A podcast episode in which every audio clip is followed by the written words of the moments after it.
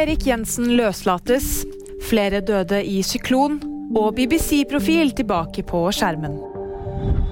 Eirik Jensen løslates fra fengsel i dag.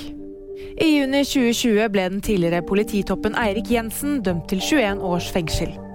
Nå er han innlagt på sykehus og stemplet som soningsudyktig av psykiatere. Jensens advokat Jon Christian Elden sier løslatelsen er svært viktig for klientens helse. Minst 11 personer er døde, og minst 16 er savnet etter at den tropiske syklonen Freddy traff Malawi i helgen. Syklonen har også ført til enorme regnmengder i nabolandet Mosambik og på øya Madagaskar. I tillegg er det ventet at stormen vil ramme nordøstlige Zimbabwe og sørøstlige Zambia. BBC bekrefter at Gary Lineker er tilbake som programleder.